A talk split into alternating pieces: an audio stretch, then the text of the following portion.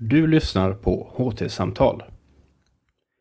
Vad innebär litterär kvalitet? Och vem har makt och inflytande över den? I den här inspelningen från Bokmässan diskuterar litteraturprofessorerna Torbjörn Forslid och Anders Olsson just detta. Samtalsledare är Katarina Bernhardsson. Okej, nu drar vi igång eh, nästa programpunkt här på Lunds universitetsmonter. Välkomna hit alla. Eh, nu har vi glädjen att ha med oss eh, Anders Olsson och Torbjörn Forslid eh, som båda är professorer i litteraturvetenskap eh, i Lund och som har ett specialintresse som ni har odlat ganska länge nu eh, för litteraturens offentligheter, inte bara litteraturen inne, Eh, innanför bokpärmarna utan också hur litteraturen samspelar med annat utanför eh, den själv, utan, också utanför själva det litterära fältet kan man säga. Ni har intresserat er för litteratur och politik, litteratur och medier och för celebritetskulturer, alltså kändisar och litteratur. Ni har till exempel skrivit en bok som heter Statsministerns sommarläsning, vilket jag tycker är en fantastisk titel. Eh, och eh, fenomenet Björn Ranelid, så det är någonting med er och titlar helt enkelt, tror jag. Eh, så är, och, och, nu har ni då sysslat ett bra tag med vad det är som gör att litteratur ges eller anses ha ett värde på ett visst sätt. Och eh, det är det vi ska prata om idag. Eh, och 2015, för två år sedan, så kom det ut med en bok tillsammans med fyra andra forskare som heter Litterära värdeförhandlingar. Och nu så har den här gruppen då eh, är på väg att följa upp det med litterära värdepraktiker, aktörer, platser och rum. Och där är ni två av fem författare. Och den här boken förstår jag kommer komma ut om ett par månader. Eller sånt. Den är under intensivt korrekturläsande. Precis. Ja. Mm. Och när man hör den här titeln så blir man genast nyfiken på de här eh, undertit- orden i undertiteln. Vad är det för aktörer och platser och rum som det handlar om? Ja, alltså vi kan väl börja gå tillbaks ett snäpp där med, ändå med värde. Och, och Anders och jag när vi har jobbat med litteratur så det, det räcker man går liksom en liten stund runt här så märker man att det finns mycket, mycket olika typer av litteratur som folk propagerar för och på olika sätt. Och, och, och, det som är bra på ett, en monter är dåligt på en annan monter. Så, så det ska man säga där med värdefrågan är ju väldigt viktig. Och att vi då som är litteraturvetare, vi borde helt enkelt veta mer om det här med värde. Det är väl en, en utgångspunkt. Ja, och, men också att litteratur är liksom of, är oskiljaktigt förenat med det här med värdefrågan och kvalitet. För till exempel när man berättar att jag läser Lena Anderssons senaste roman så frågar någon mig genast, hur är den? Är den bra? Så det, den frågan får man. Sen är det också så att som vi påminns om när vi är här att eh, bokfloden, de eh, 1800, 2800 skönlitterära böcker kom ut 2016 i Sverige, romaner eh, diktsamlingar. Och hela detta stora utbud gör ju urval nödvändigt. Och då är frågan om varför gör vi ett urval? Vad ska vi läsa? Vad ska vi sälja? Vad ska vi recensera? Och då är vi inne i frågan om kvalitet och värde. Och traditionellt har det beskrivits på ett sätt som vi tyckte var lite begränsande. Ja, och man, man kan bara tänka på sig själv. Man får frågan, rekommendera en bra bok. Och är det liksom ens dotter som är tio år så rekommenderar man viss typ av bok. Och är det, ja, en partner som är jämngammal till en annan bok och, och så vidare. Alltså det, man har ju väldigt olika värdebestämningar i olika sammanhang. Och det, var det, det är ju liksom det vi har börjat nysta i lite det här med mm. vad är, vad är värde, vad är kvalitet? Och är det då de här aktörerna och platserna och rummen kommer fram som en del av mekanismerna kring ja. hur det här värdet händer? Ja, för man, det vi också har varit utgångspunkten för oss det är att värdet finns inte i boken som en egenskap, som att den väger 1,8 kilo eller är 300 sidor lång. Värde är inte på det sättet, utan värde är någonting som läsare av olika kategorier tillskriver böcker efter det att de har läst dem. Och det är så värde uppstår menar vi, så vi har en sån konstruktivistisk syn på värde. Och då ett av de värdena som har väldigt ofta framhållits som det helt avgörande värdet, inte minst av sådana som eh, vi eh, och i medierna och på kultursidorna, det är att verks stil och form är väldigt avgörande. En nyskapande stil och form, ett originellt skrivsätt har varit liksom en grundförutsättning för att bli uppskattad i vissa delar av det vi kallar det litterära fältet.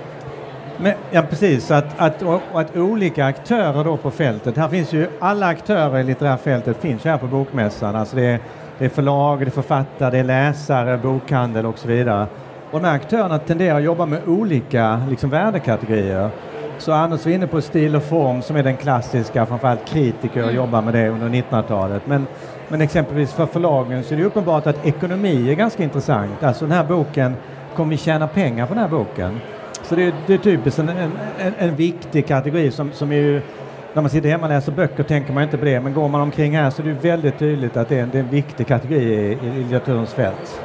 Och sen har vi också talat om att ett annat viktigt värde förstås är eh, litteraturens kunskapsvärde. Att litteraturen är en kunskapskälla om existentiella frågor, om historien, om livet, vad det är att vara människa. Men också att det finns ett emotionellt värde som är väldigt tydligt. Ehm, eh, när vi läser spänningsromaner eller vi blir drabbade av en diktsamling eller vad det är så är det, talar vi om litteraturens emotionella värde. Alltså bara det här med emotionella värde har ofta haft lite låg status, alltså det är spänningslitteratur och det man läser för intrigen. Men, men redan Aristoteles hade ju det här konceptet som vi alla fick lära oss i skolan, katarsis. Att en, en riktigt bra tragedi den, den får, innebär någon typ av rening. Så där är det väldigt tydligt hur redan Aristoteles har det här emotionella liksom, perspektivet. Mm. Nu räknade ni upp väldigt många olika mm. värdekategorier och ni har också talat i, om socialt värde, eller hur? Mm.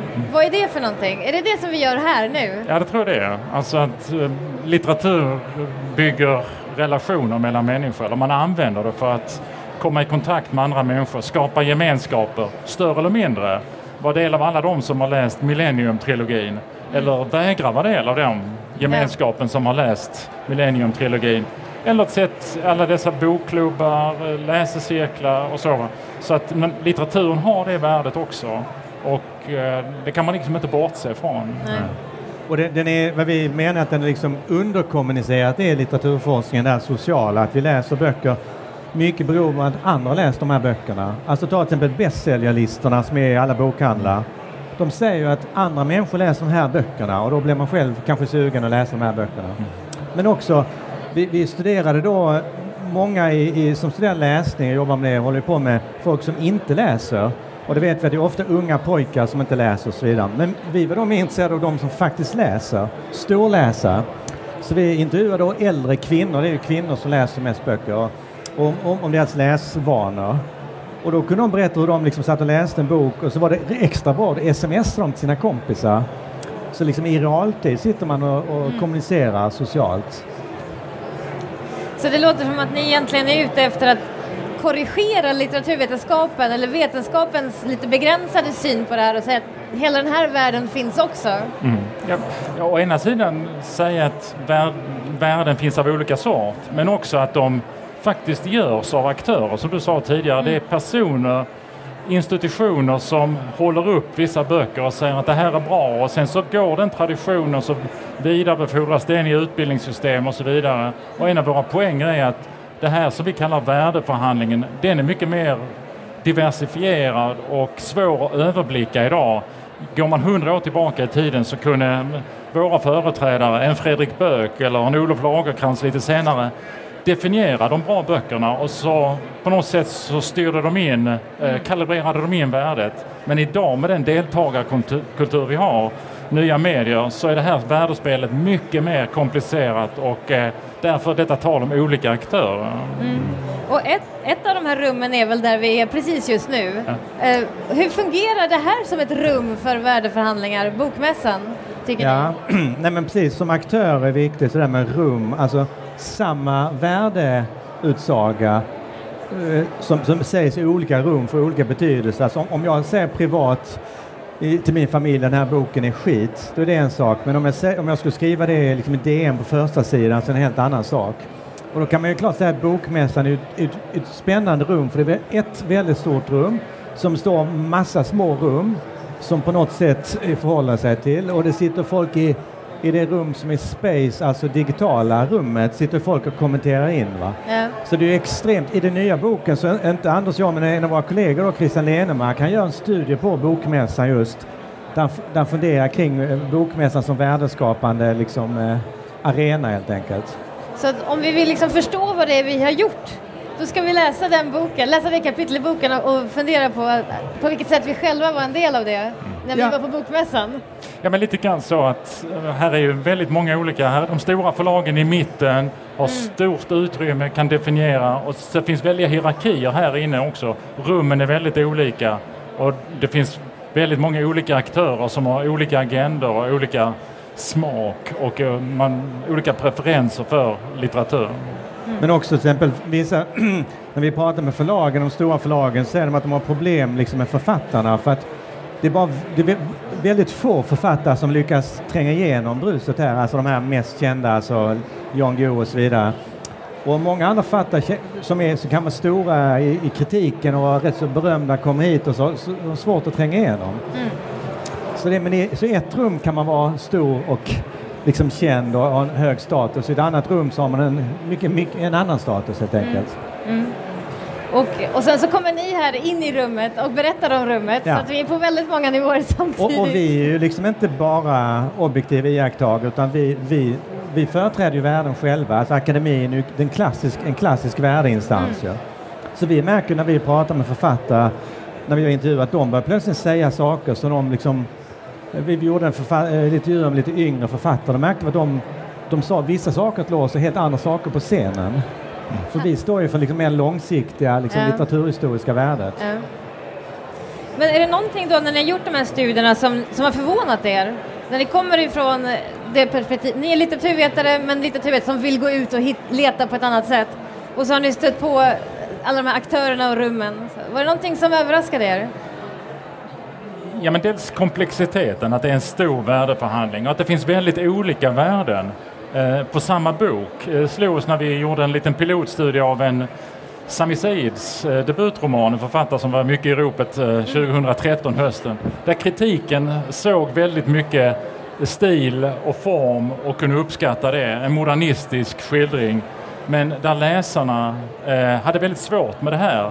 Och, men ändå fanns det en angelägenhet i liksom själva innehållet, eh, eh, det mångkulturella och så. Så att, alltså att väldigt, samma, olika aktörer kan ha helt olika eh, bilder av det hela. Men sen, har de, sen agerar de inte på samma villkor utan det finns Nej. hierarkier och det finns, det är lätt det är lätt att komma till tals, men bara för att man har tillgång till ordet så är det inte säkert att man kan sprida sin uppfattning och få genomslag för dem. Så det ska man väl också eh, säga att den här deltagarkulturen, den finns, men den innebär inte att alla spelar på samma villkor och det blir väldigt tydligt tycker jag. Och, och än en gång det här sociala, alltså vi, när vi höll på med, med författare och så vidare så tänkte vi att detta, var- varför kommer man till bokmässan? Man kan ju köpa böckerna på nätet och så vidare, man går till bokaffären. Varför kommer man hit? Och då tänkte vi först, ja, men det är författarna.